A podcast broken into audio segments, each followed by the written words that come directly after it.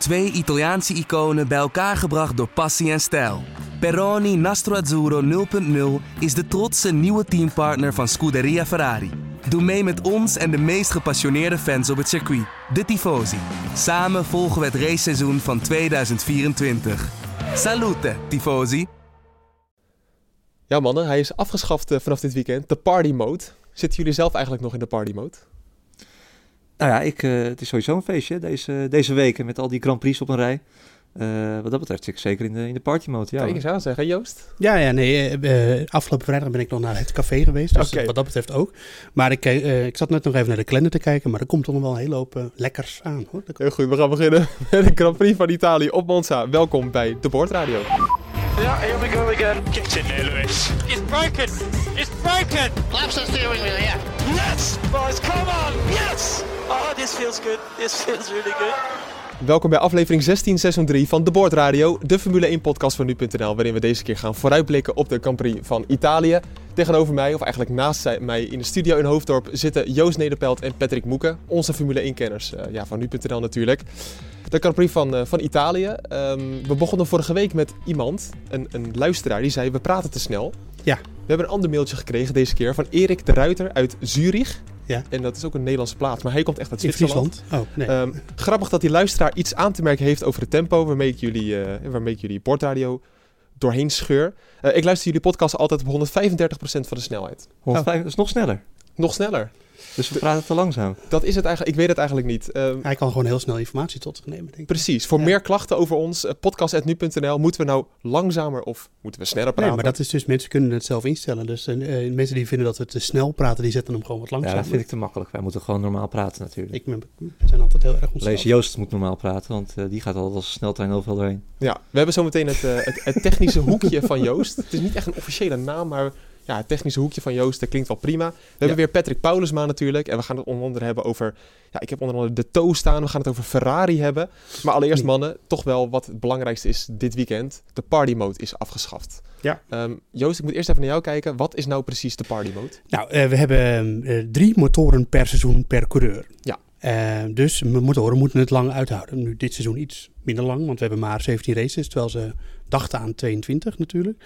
Uh, dus je wil uh, op bepaalde momenten die motor heel erg kunnen belasten, maar liefst zo min mogelijk. En daardoor hebben ze uh, allerlei, ja, of dat dan engine mappings heette dat voorheen altijd. Ik weet niet of ze dat nog steeds zo noemen. en dan heb je een engine mapping dat je de motor even zoveel als aanvaardbaar kan belasten. En dan denk je misschien, het is er niet zo heel erg als die motor een tijdje 10% uh, of weet ik veel, 20 pk meer levert of zo.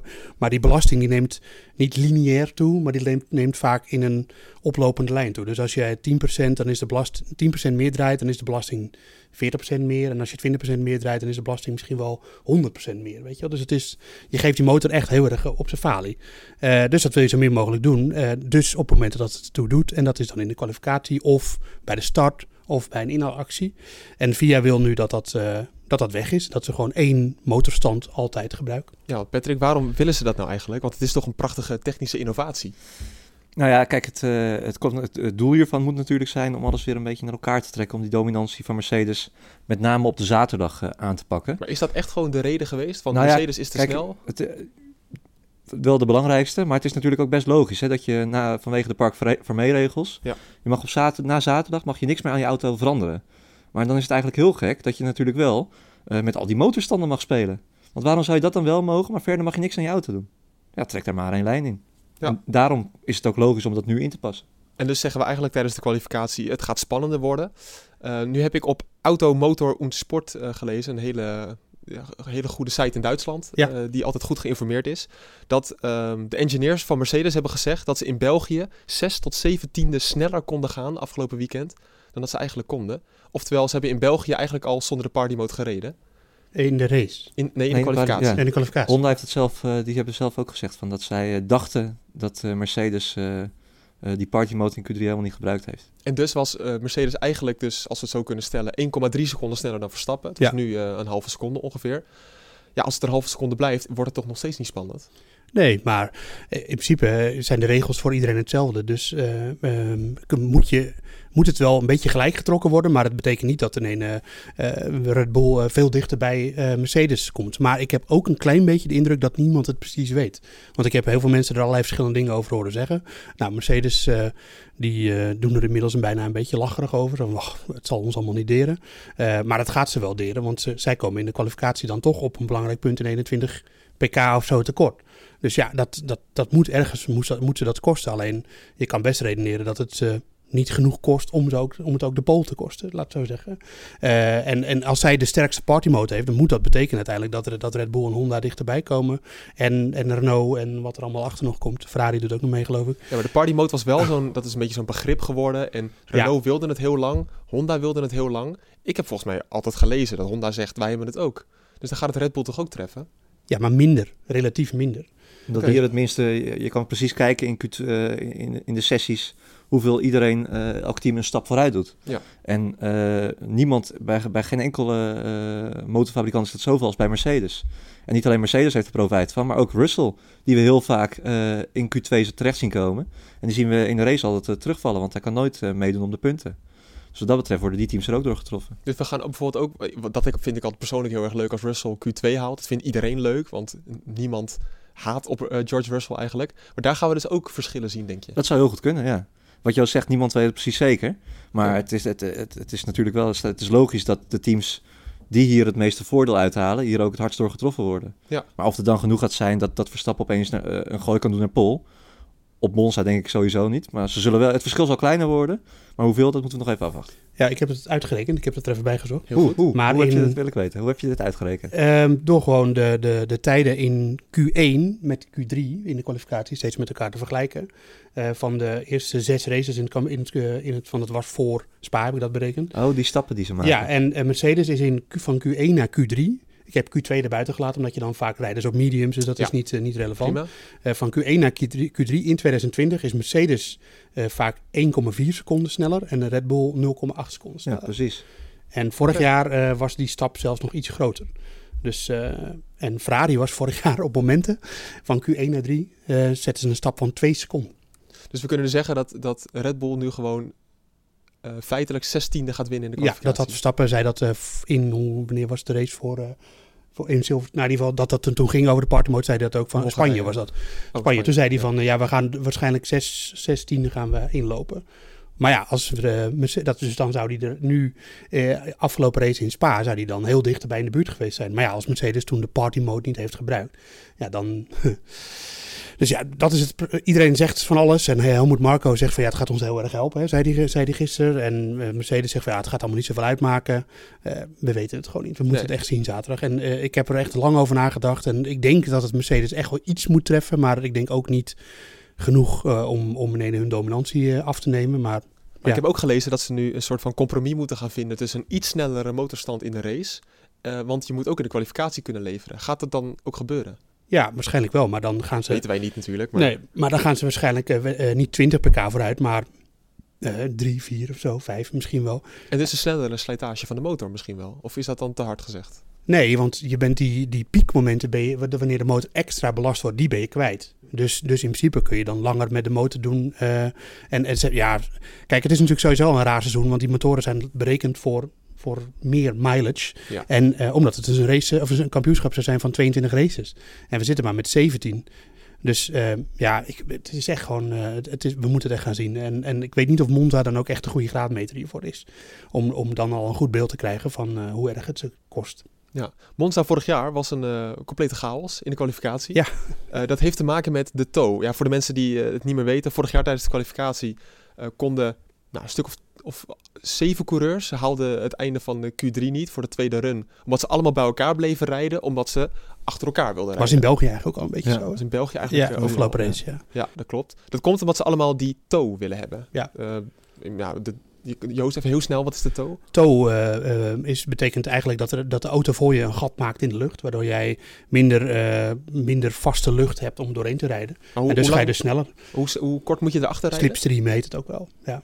Maar is het hetzelfde als, de... Volgens mij is het zelfs zo dat je er eh, tot twee of misschien wel meer seconden achterrijdt, dat je dan toch nog effect van voelt. En dat heeft eh, op het rechtstuk is dat een positief effect. En in de Ja. bocht is het een negatief effect, want dan heet het vuile lucht. Hè, dat, is, dat is zo grappig, die keerzijde ervan. En dan kost het je aerodynamica, eh, aerodynamische downforce, dus dan is het een nadeel. Maar ja, zoals in Spa en Monza zijn de rechtstukken zo lang dat je er meer voordeel van hebt dan nadeel. Dus kun je beter achter een andere auto rijden. Ja, Patrick, is het dan gewoon zo? Je wil ehm, daar gewoon extra tijd mee winnen. En daarom zie je die chaos in de kwalificatie? Zeker op Monza, hè? De, de temple of speed, waar, eh, waar eigenlijk alles, eh, alles gewonnen wordt op die rechte stukken. Ja. Eh, ja, het is, eh, als je die toon niet hebt, dan verlies je gewoon, wat zal het zijn? Vijf, zestiende per ronde, denk Ja. ik wel. Ja. Ja. we hebben vorig jaar gezien, dat was met eh, Leclerc en Vettel, die toen ruzie daar zelfs over kregen. Uiteindelijk over wie nou wie de toe zou geven. En je ziet vaak dat teams dan de verdeling maken van of eh, dit raceweekend mag ik achter jou rijden en jij het volgende weekend achter mij. Of eh, die run in een kwalificatie jij achter mij en vice versa. Eh, dus dat is een heel belangrijk ding. En, eh, en eh, ga er maar vanuit dat we dit zaterdag weer gaan zien. En misschien nog wel extremer. En, en het is gewoon wachten tot er een keer een crash komt hierdoor. Dat, dat gaat gebeuren. Ik vraag me ook altijd af, waarom ga je dan niet eerder eh, de pits uit? Als je weet dat dit toch gaat gebeuren. Omdat je dan geen toe hebt.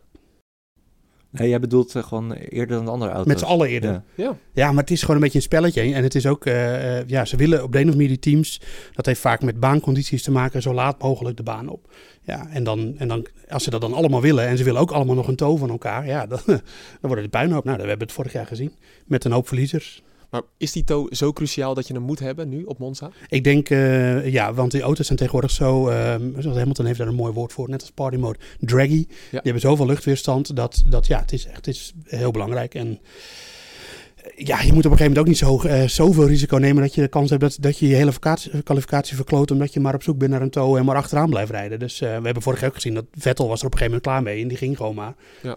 En en, en ja, dan, dan heb je waarschijnlijk wel een mindere tijd, maar je hebt in ieder geval een tijd. Maar dus zeg ik, eh, voor Verstappen wordt dit heel erg makkelijk en overzichtelijk. Want die krijgt toch wel Albon als toe. Nou, dat, dat, eh, ja. Toch? Ja, het, eh, het zou wel het meest, het, het meest logisch zijn, denk ik. Albon kan niet strijden om pole position. Verstappen zou dat wel het kunnen. zou het Nee, handigste maar zijn om Aan het de met je andere kant, te doen. Van Verstappen, die weet waarschijnlijk al dat hij toch niet hoger kan staan dan die derde plek.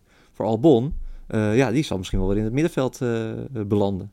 Ja, ik weet het niet hoor. Het, eh, als, als, we, als, we bij, vers- als we bij Red Bull al weten van, eh, eh, we kunnen toch geen pole pakken, we kunnen die eerste startrij niet halen. Ja. Wat best wel denkbaar is. Nou, laten we dan maar Albon nog, nog een toe geven. Maar je kan ook niet zeggen dat Red Bull nou het complete middenveld tijdens de kwalificatie domineert. Het scheelt vaak heel weinig met, eh, met een McLaren Racing Point of Daarom is die toe voor Albon extra belangrijk. Want anders Ja. staat hij achter die, eh, achter die McLaren. Maar misschien voor Verstappen zelf ook wel. Ja. Ja, maar eh, P3 is toch ook niet echt een zekerheidje voor Verstappen. In de praktijk nee, gebeurt het wel, maar vaak op 2, 3 tiende. Nee, ja, ik ben in Monza heel benieuwd hoe, eh, hoe het eh, low, eh, low drag pakket van Red Bull gaat werken. De, eh, in Spa waren er best wel verhalen die, van mensen, of analytici die zeiden van ja, als Red Bull voor het low drag pakket daar hadden gekozen, hadden ze misschien wel gewonnen.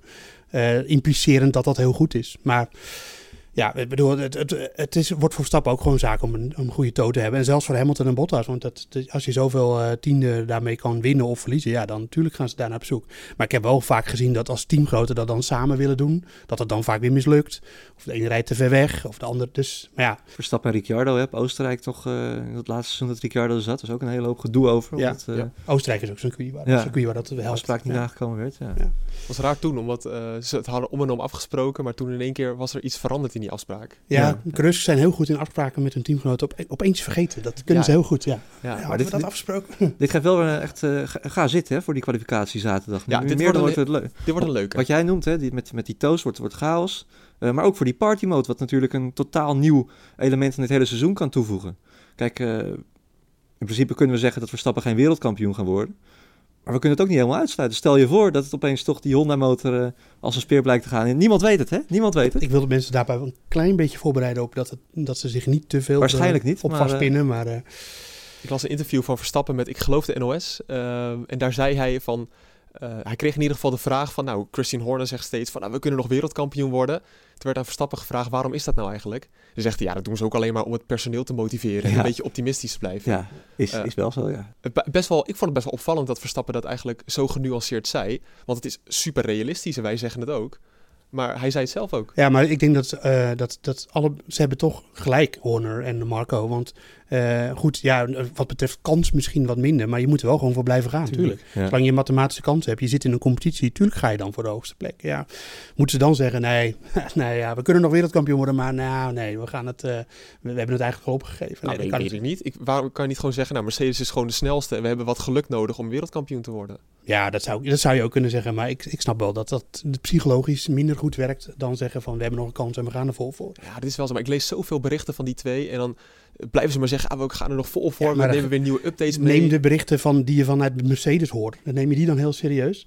Van Hamilton die zegt, eh, Red Bull is weer de snelste. dit Ja, Maar het zou, ook wel, het zou ook wel pijnlijk zijn als ze dat nu al zouden zeggen. Want dit was natuurlijk het seizoen waarin er geoogst ja, moet we zijn worden. nog niet eens halverwege. Nee, we zijn nog niet eens halverwege inderdaad. Eh, er komen nog circuits aan waar nog niemand op gereden heeft. Nou, onvoorspelbaarheid.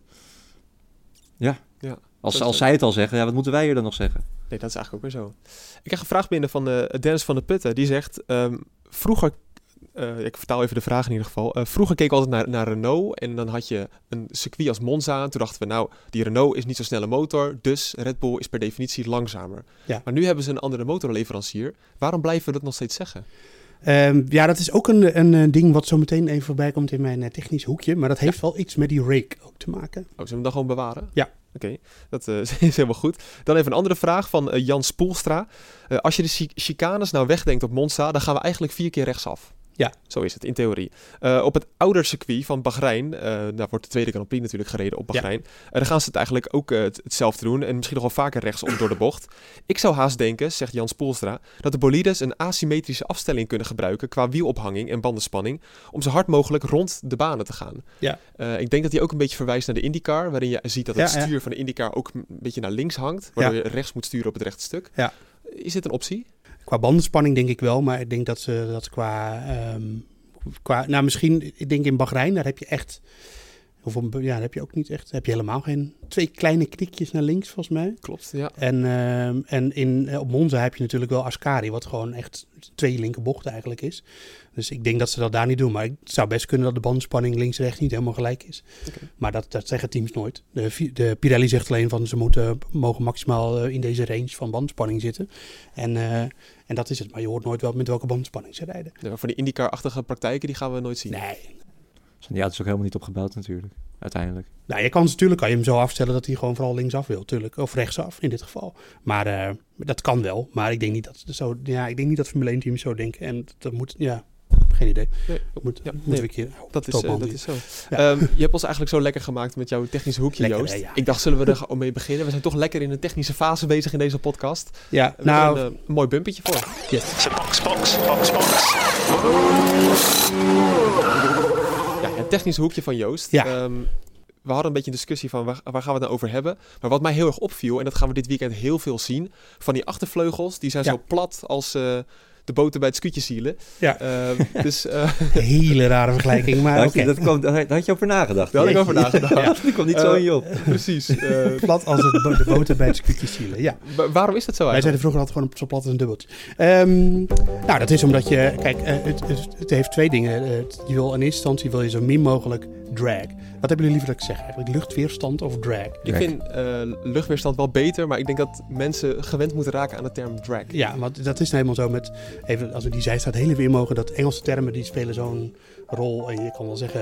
Er is waarschijnlijk ook wel een Nederlandse vertaling voor rake. Maar iedereen noemt dat zo. En dan, enfin, eh, drag. Dus ze willen zo min mogelijk drag. Het is niet zo dat ze zo min mogelijk downforce willen. Het liefst Ja. zouden ze zoveel mogelijk downforce mee willen nemen. Maar downforce betekent bijna, of eigenlijk altijd drag. Eh, en drag is luchtweerstand. En wat wil je op die rechte stukken? Zo min mogelijk luchtweerstand. Dus eh, kiezen ze ervoor dat ze een, ja, daar heb ik vorige week ook al wat over gezegd, dat ze kijken zeg maar in een, in een grafiekje naar een lijntje van waar kruisen het, het, het, zo min mogelijk drag en zoveel mogelijk downforce nodig hebben in de bochten elkaar. En dat is dan het punt waar je zo'n beetje je afstelling moet van. Je moet dan wel door die bocht heen. Ja, je kan wel alleen maar rechtdoor rijden, maar dat heeft geen zin. Ehm, dus ze, willen eigenlijk wel downforce, maar dat leveren ze gewoon in omdat ze op de rechte stukken zo min mogelijk luchtweerstand willen hebben. Ehm, en het, het, het is vooral eh, lastig in de bochten dan natuurlijk voor de coureurs. Want de auto gaat meer glijden, maar het is wel voorspelbaar glijden, denk ik. Want het, het, is, het is niet zoals bij heel veel, als een auto heel veel downforce heeft, zoals in Hongarije of zo, dan kan hij, ja, dat noemen coureurs dan snappy zijn, dat hij dan ineens de balans verliest of zo, weet je wel. Dat heb je niet bij, Maar eh, het is toch ook zo dat de voorvleugel zorgt altijd onder, voor onderstuur? Eh, als je dat aanpast, dan kan je dat regelen. En de achterkant is meer voor overstuur. Nee, dat staat echt met elkaar in, in verhouding. Dus je moet gewoon de balans zoeken. Dus eh, zo'n platte achtervleugel, die nemen ze mee. Eh, eh, ook, je ziet vaak bij de, bij de Red Bull allemaal van die vaantjes en dingetjes nog in de, in de, de, de, de, die zijkanten, zeg maar. Ehm, de, en, en, daar, en die zijn er ook allemaal uit om het gewoon zo glad mogelijk te maken. Ja, de zijkanten van de achtervleugel. Ja, ja. Ja. De rear wing end plate heet dat officieel, maar ik wil het niet helemaal te Engels maken. En eh, dat is, is er allemaal uit. En ze hebben gewoon een zo klein mogelijke eh, achtervleugel die evengoed nog een klein beetje downforce levert, maar waar ze gewoon zo min mogelijk luchtweerstand aan halen. Eh, de coureurs merken dat vooral in de bochten, maar belangrijker, ze merken het ook heel erg bij het remmen. Want downforce speelt een hele grote rol. De auto's die de Formule 1 auto's kunnen zo goed remmen als dat ze kunnen, ook mede dankzij de downforce. Omdat ze toch al op het asfalt worden gedrukt. En dat de auto daarbij heel stabiel is. Maar als ze dan alleen heel weinig downforce hebben, dan is, die, is die auto ook heel instabiel bij het remmen. En dat, eh, ik, vorig jaar eh, zei eh, de engineer van Ferrari, die daar wat over vertelde, zei dat de coureurs wel eens schrikken als ze de eerste keer op Monza rijden. Als ze op de rem trappen, want je moet daar natuurlijk hard in de ankers. Dat dan die auto echt helemaal... Dus ga er maar eens op letten. Je ziet als je, eh, als je auto's ziet remmen, zeker in de kwalificatie, als ze echt volle bak gaan, dan zie je ze bij het remmen echt helemaal een beetje slingeren. Omdat ze gewoon heel weinig stabiliteit hebben. Ehm, En daarom zien we eigenlijk op andere banen eh, nooit zo'n platte achtervleugel. Nou, op Spa kan het ook. Maar ja, je, je. Ja, nee, maar dat, komt, dat heeft meer te maken met die, dat kruispunt tussen eh, luchtweerstand en downforce. Dus eh, ehm, dat, op Spa heb je daar ook al, is, ligt die ook heeft veel onder dan op Hongarije natuurlijk. En, eh, maar op Monza is dat het, extreemste. Dat is het meeste rechtuit waar we het hele jaar komen. Ehm, alleen dan nog één ding. De, mensen denken vaak dat de downforce alleen uit de vleugels komt. Maar dat is niet zo. Dat komt ook voor een groot deel uit de diffuser onder de auto.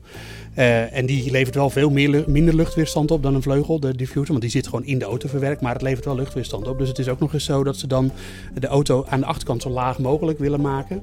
Eh, tijdens op het rechte stuk, zodat die, eh, de, de diffuser kan stallen. Dat betekent dat hij zijn werking verliest en daarmee minder luchtweerstand oplevert.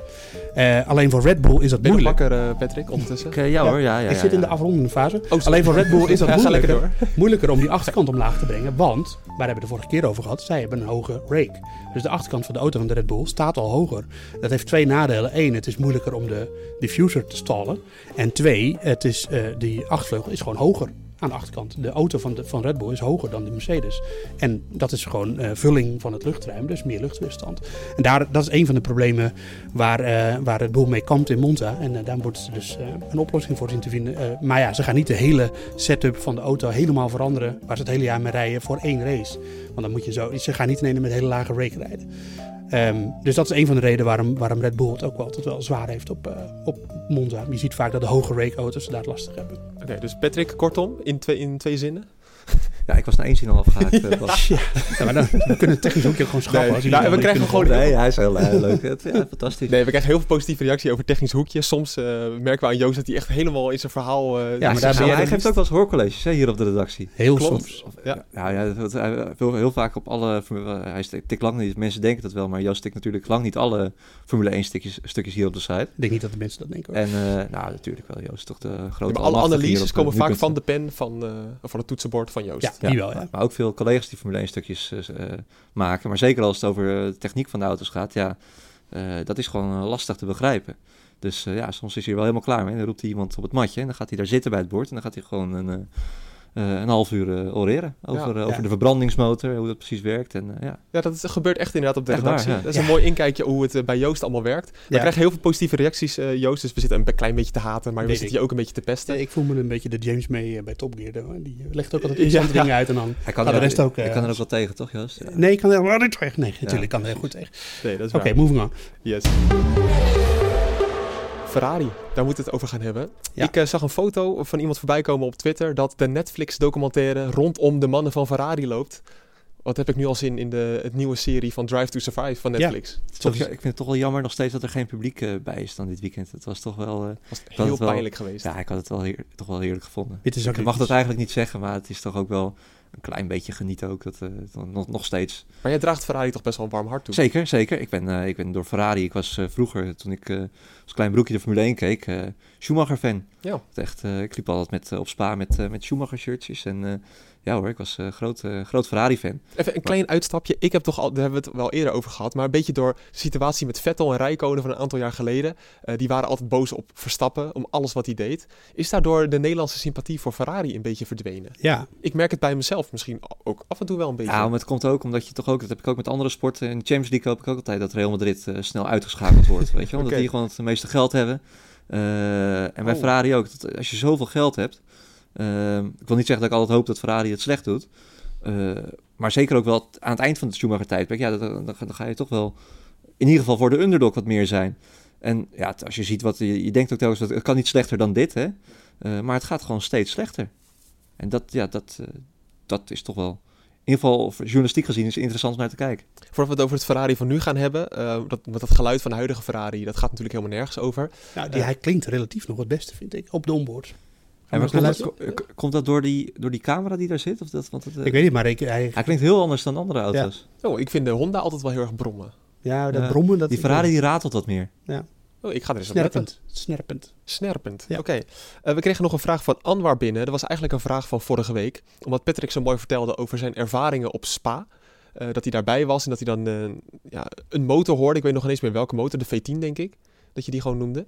Eh, toen zegt eh, Anwar niks ervan. Of nee, V8 zei hij. Eh, jij zei V8, sorry. Of echt? Hij zei niks ervan, V8. Het mooiste geluid op Spa en eigenlijk op ieder high-speed circuit is en blijft de Ferrari 3.0 V12 uit 1995 achter de 412 T2 punt ja. uitroepteken. Maar ja, Ja. Dat, dat, ja precies. Dat, Tuurlijk, ik, dat ik, is de, de motor der motoren. ik was Ja. daar, ik was op Spa in 99 en dat was toch de V10? denk Ja, toen was het dan? V10. Ja, ja. Oh, oké. En Ja. eh, ja, echt weergeloos. Maar ik kan me niet eens voorstellen hoe die V12 geklonken moet hebben. Op, eh, Ik heb hem een paar keer gehoord in het echt. Het is eh mindblowing. echt. Laat ik hem gewoon klaar hebben staan. Ja, ja dat, dat wist ik. Zullen we er even naar luisteren?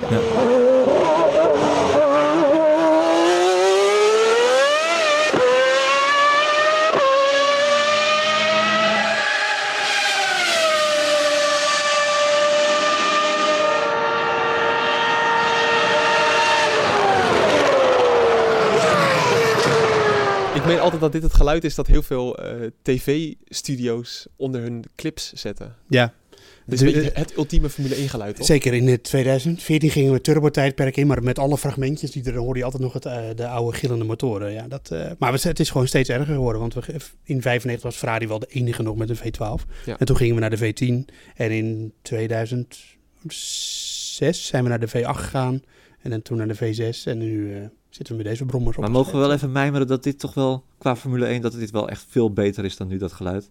Dat, de, de charme van Formule 1 was gewoon het geluid. Ja. Als ik vroeger, toen ik eh, nog voor mijn gevoel in mijn eentje naar Formule 1 keek, toen vroegen mensen altijd, ja, wat vind je er nou zo mooi aan?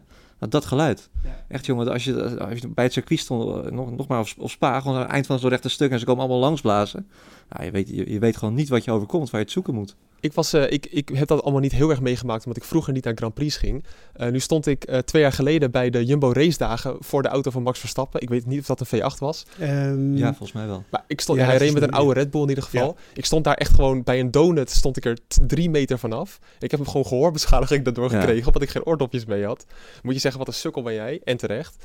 Maar eh, ik had het echt Ah ja, onderschat, dat Als je dan toch gehoorbeschadiging oploopt, dan maar door een eh, Formule 1 motor. Gelukkig dat al- als er straks weer publiek bij eh, aanwezig mag zijn. Je hebt nu die tweezitters, hè, die dan eh, van Paul Stoddard. Ja. Die rijdt met z'n tweezitter over het circuit. En die heeft nog zo'n oude, volgens mij is dat een V10, V10. ja. ja, ja. V10 erin zitten. Hm. Nou, weergaloos. Nog steeds dat echt dat, dat oude gevoel. Daar moeten ze echt, daar moeten ze, daar moeten ze nou eens mee aan de slag gaan. Gewoon, ik weet, het zal vast lastig zijn met die V6 motoren. Maar zorg ervoor dat het geluid weer een beetje op orde komt. Ja, dat ga je. Gaat maar niet Iemand vroeg dat aan mij van hoe komt het dat het geluid niet meer zo is. Maar dat heeft gewoon daarmee te maken. Vooral met de turbo. De turbo die eh, eh, deze motor die we net hoorden, die V12, die heeft geen turbo. Nee. Dat is een atmosferische motor.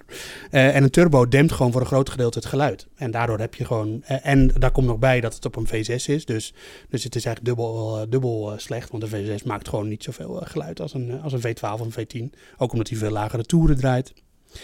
Dus ja, ik bedoel, vroeger was alles beter. Ik ken het allemaal wel, maar... Maar dit was echt beter Maar dit was gewoon echt beter. Veel beter. Ja. Als je langs de kant stond, dan hoorde je dat geluid aanzwellen van die V10's. Of die, vooral die v, dat Ja. V10-tijdperk hoorde dat aanzwellen. Dat was gewoon Ja. een beetje... Die werd er gewoon een beetje nerveus van. Ja, weet je. Er ja, kwam echt ja. geweld op je af. Ja, ja. En nu komen er gewoon een paar eh, opgevoerde scootmobielen. Nou, dat overdrijf ik een beetje. Maar Stofzuigers. stofzuigers op je af. En het is gewoon... Het maakt even goed nog wel een hoop herrie. Maar het is nu gewoon herrie. En het, het gekke is, deze auto's die, die, die klinken juist het best als ze heel zachtjes rijden. Als ze door de pits rijden. eh, of als ze nog stilstaan eigenlijk. Als ze heel hard... eh, moderne auto's. De moderne auto's, Ja. ja. ja, ja, En terwijl die, die, die, die, die vorige generatie auto's, ja, als je, die- je hoorde precies waar ze reden en, en dat, dat, dat schakelen ook, dat knetteren, bang, bang, bang. Dat is het Ja, verhaal, ja. echt joh, echt. Het is echt pure audioporno Ja, is het. maar Ja. eh, Ja, als podcastluisteraar kan je dit niet zien, maar ze fleuren helemaal op, deze twee, eh, deze twee kenners. Hartstikke leuk om te horen. Eh, dit is nog niet in het draaiboek, maar leuk uitstapje. Eh, toch even terug naar Ferrari, want daar waren we gebleven. Oh ja. Eh, waarom, ja goed, waarom wordt het nou zo pijnlijk? Dat weten we inmiddels wel. Waarom wordt het op Monza niet beter dan dat het was? Dat moet de vraag zijn. Nou, omdat ze hebben een auto die is. we hebben het natuurlijk eerder over drag gehad. En hun auto produceert gewoon heel veel drag. Omdat ze dachten dat ze een heel sterke motor zouden hebben. Nou, die hebben ze niet. Eh, en eh, die, dat zit gewoon in het ontwerp van de auto. Dus dat kunnen ze niet zomaar aanpassen. Eh, dus ze hebben een auto met een langzame motor. Die ook nog eens heel erg door de lucht heen sleept. Zo moet je het echt zien. En Mercedes heeft een auto met een sterke motor die minder door de lucht heen. Of misschien wel net zoveel, maar die, kan het, die, trekt het, die trekt hem doorheen. En die Ferrari motor gewoon niet. En ja, volgens mij weten ze ook nog steeds niet helemaal wat nou het probleem is. Dus ja, dat, we- ze gaan het denk ik ietsje beter om, doen dan op Spa. Omdat ze niet dat compromis hoeven te zoeken, echt, weet je, tussen bochten en het rechte stuk. Maar gaan ze ook niet gewoon die hele Ferrari-motor helemaal kapot proberen te rijden, zodat ze het maximale vermogen eruit kunnen halen? Ja, ik bedoel, of je nou uitvalt of dertiende wordt. Ik, eh, Ja, ik zou hem lekker opschroeven, dat ding. eh, ja, maar, ze maar dat is ook maar relatief hoor. Ze Ja. kunnen niet, het is niet dat ze er 81 pk extra uit kunnen halen. Want dan zouden ze, dat, eh, zouden ze om de race dat doen en dan een nieuwe motor en dat weer doen. En dat doen ze dus ja, die, die, part, die party mode gaat natuurlijk ook wel in het voordeel van Ferrari zijn. Zeker, Dat dat hebben ze is zelf ook gezegd. Ja. Dus wat dat betreft komt het ook wel precies op het juiste moment. Ja, maar en ook Italianen zijn toch trotse mensen. En eh, het kan Ja. gewoon niet zo zijn dat, dat Vettel en Leclerc 13 en 14 gaan worden op Monza. Nou, dat kan Ja. wel degelijk, ga er maar gewoon aan staan. Eh, Ja, ja, maar ze zijn trotse je mensen. dat kan eigenlijk niet, maar het gaat wel gebeuren. Zijn. Fransen geen trotse mensen dan? Of Duitsers? Of, eh, bedoel, Ja, ik heb het gewoon, Italianen zijn toch wel, eh, zeker ja, met ze zijn wel Ferrari. trots, maar ze kunnen gerust wel accepteren dat ze... Het is niet zo dat ze het circuit afbreken. Nou ja, ze zijn er niet. Dus de tifo Nou, als ze er waren geweest, dan... eh, Ja, dan eh, hadden we wel wat witte zakdoekjes gezien, denk ik. Ja. Dat is ook natuurlijk weer zo. Maar ja, ik denk dat inmiddels iedereen weet hoe het komt. En, eh, en dat maakt het misschien net iets beter te verkroppen. ja, het is geen verrassing meer. Nee. Als het opeens zou gebeuren, zou het misschien nog wel eh, erger zijn op Monza. Maar iedereen houdt er nu al rekening mee dat ze waarschijnlijk toch niet in Q3 gaan komen. Ja, we gaan het zo meteen over het NuSport GP-spel hebben. Maar als we nu al zouden moeten voorspellen, moeten we dan denken aan, gaan ze überhaupt wel Q2 halen? Of is dat nog wel erg overdreven? Nou, ik denk wel dat eh, die, eh, de allerlaagste downforce setup, eh, dat hebben we gezien in, in Silverstone haal ik dat dan uit. Die eerste race, toen reed, Leclerc daar heel sterk mee. Ik denk, dat die, ja, ik denk dat die daar wel aardig mee overweg kan. Dus ik denk dat het Leclerc het nog wel goed gaat doen. Maar Vettel, eh, zie ik echt weer een zwaar weekend voor verschijnen. Ja, misschien wordt het tijd voor andere mensen aan het roeren bij Ferrari. Eigenlijk net zoals ze bij Williams hebben gedaan. Ehm, want Williams die heeft... Ja, het, het is gebeurd. Ja. De familie Williams is er officieel uit. Ja, toch wel Na deze. Grand Prix. Of jammer, je weet dat het eraan zit te komen. Maar als je dan ziet ook, hè, want Frank Williams, die was eigenlijk nog altijd, eh Claire stond er weliswaar, maar die was eh, eh, officieel nog altijd interim. Frank Williams had nog steeds de leiding officieel over dat team. Ja, toch wel heel, heel sneu dat zo'n roemrug team, ik wil, eh, ja, het, het, het, het oude Williams komt gewoon zo aan zijn einde. Ja, dat is, dat, ik vind het toch wel heel sneu. En de boze had- tongen zeggen dan, het komt juist door Claire Williams. Nou ja, goed, je kan niet ja. zeggen dat het eh, heel goed is gegaan natuurlijk de afgelopen jaren daar. Ze hebben nog één eh, opleving gehad in 2014, 15. Toen hadden ze toevallig de goede motor, of tenminste, dat was misschien wel overal keuze, maar toen hadden ze met de Mercedes motor toen echt nog een hele eh, uitblinkende motor en ook wel een goed chassis en ook wel goede coureurs met Bottas en Massa. En Massa, ja, maar ik denk eigenlijk dat het daar is misgegaan. Want juist omdat ze eh, die goede successen boekten, hè, wat waarschijnlijk door die sterke Mercedes-motor kwam, eh, die toen nog, nog beter was dan dat hij nu was, dat die misschien wel ver- verbloemd heeft hoe slecht die auto toen al was. En dat ze misschien daardoor hebben, iets hebben gedacht van ja, we zijn goed, terwijl ze eigenlijk helemaal niet zo goed waren toen al. Nee. Ja, maar daarna nog hadden Stroll nog een keer een podium heeft gehad Ja, in de Williams. Ik denk dat het wel. Ik, nou, ik weet niet of ik dat helemaal met je eens ben. Ik denk dat het met. met eh, ik denk dat het wel. Zoals, want Racing Point had toen ook een. Of Force India was toen, had toen ook een Mercedes motor. Ja, dat is waar. Ze waren toen relatief wel echt beter. Ze zijn gewoon eh, vooral eh, natuurlijk de jaren. Nou, zeker 17 al echt helemaal de mist ingegaan. Toen was die auto gewoon een misbaksel. 2018 eh, nog erger, 2019 nog erger. Ja, en dat herstellen ze nu weer een beetje van. Maar het is echt jarenlang grondig misgegaan. Daar kan Ferrari nog een puntje aan zeggen. Maar wat is nou het perspectief van Williams? Want ehm, nu komen er andere mensen aan het roer. Dus ja, bij het opnemen van deze podcast niet helemaal bekend wie echt de leiding daar Nee, we weten al in de board. Maar dat zijn allemaal namen die mensen, de mensen toch niks zegt. Nee. Hoewel, eh, Patrick Moek had een complottheorie. Dus eh, Ja, geen complottheorie. Dat is, ik word altijd in de complot...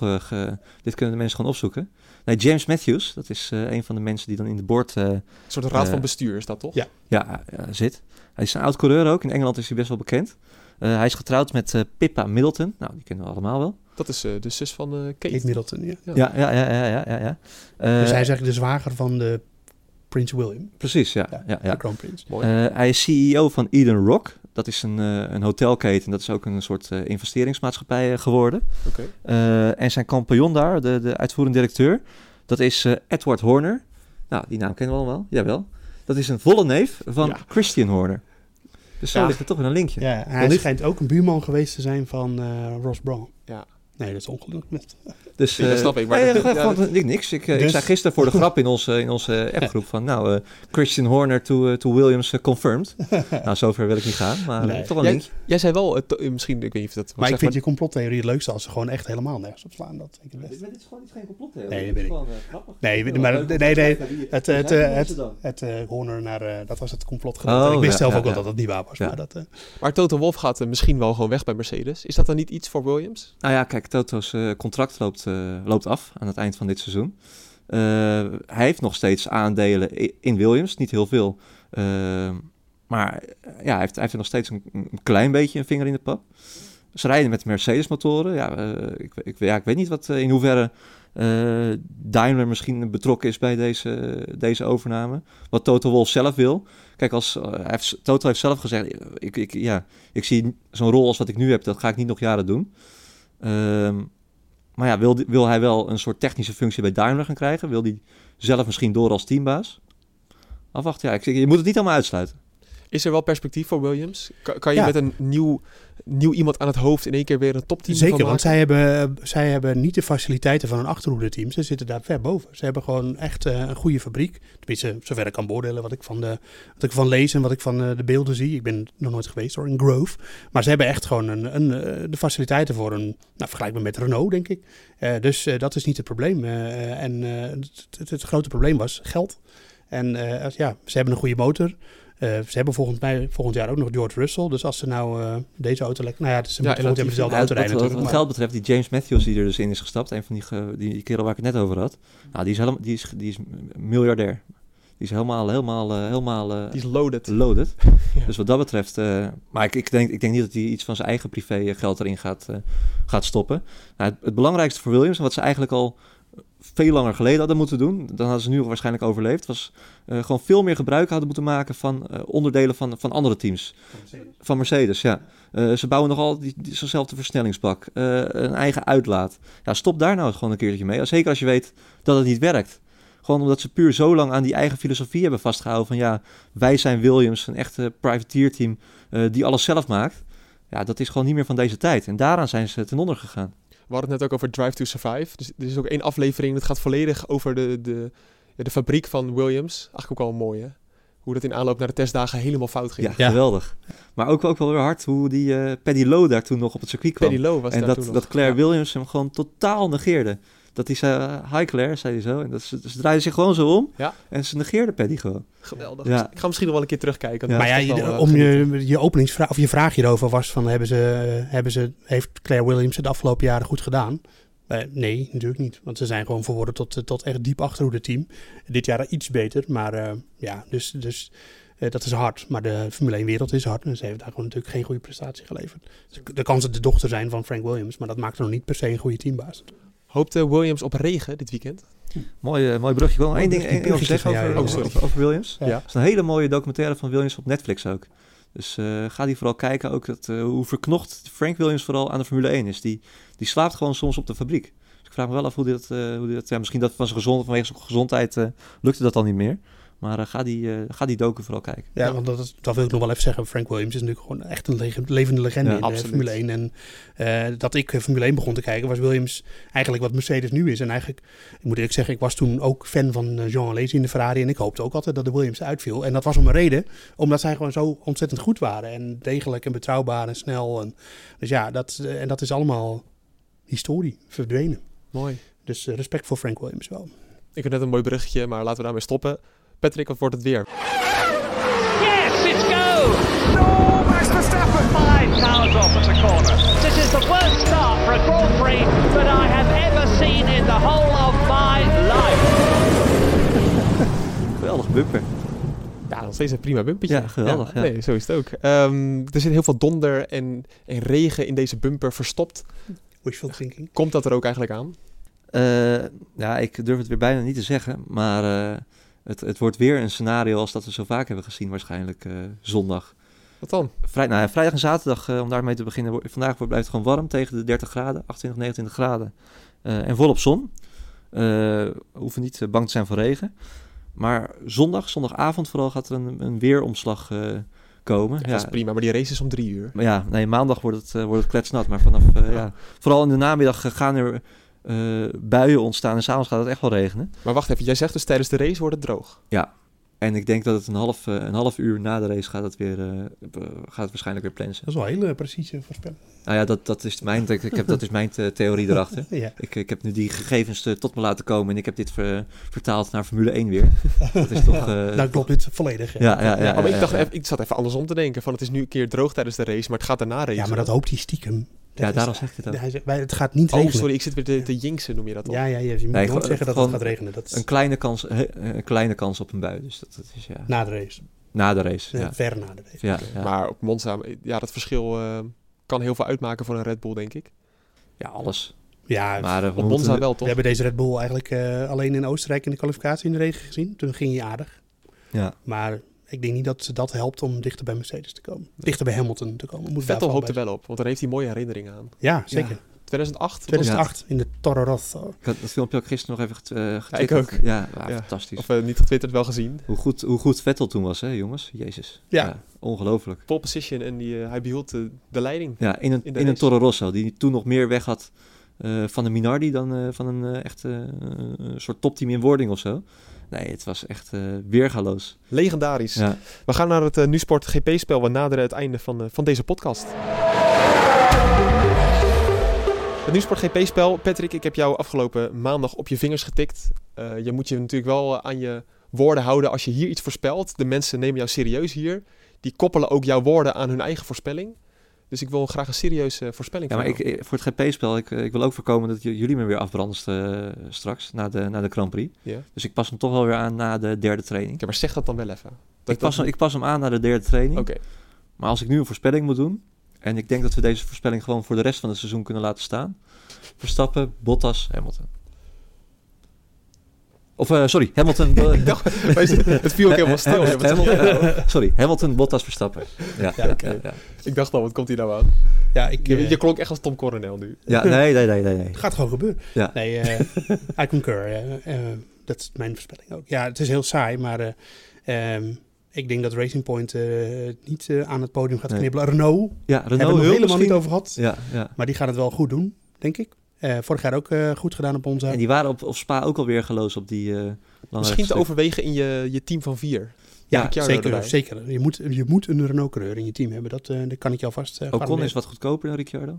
Maar is Ocon is wel, ook wat minder goed dit jaar. Dus ja. dat, Oké. Ja. Joost is hetzelfde. Ja, het is heel vervelend dat we dat eh, moeten zeggen, maar eh, het zou onrealistisch zijn, dan zou ik nu... Ik denk trouwens wel dat, eh, dat Red Bull het best wel goed gaat doen. En ik heb best wel eh, eh, wat optimisme, maar net niet genoeg om te zeggen dat Verstappen eh, gaat winnen. Helemaal goed. maar wel tweede misschien dan nog.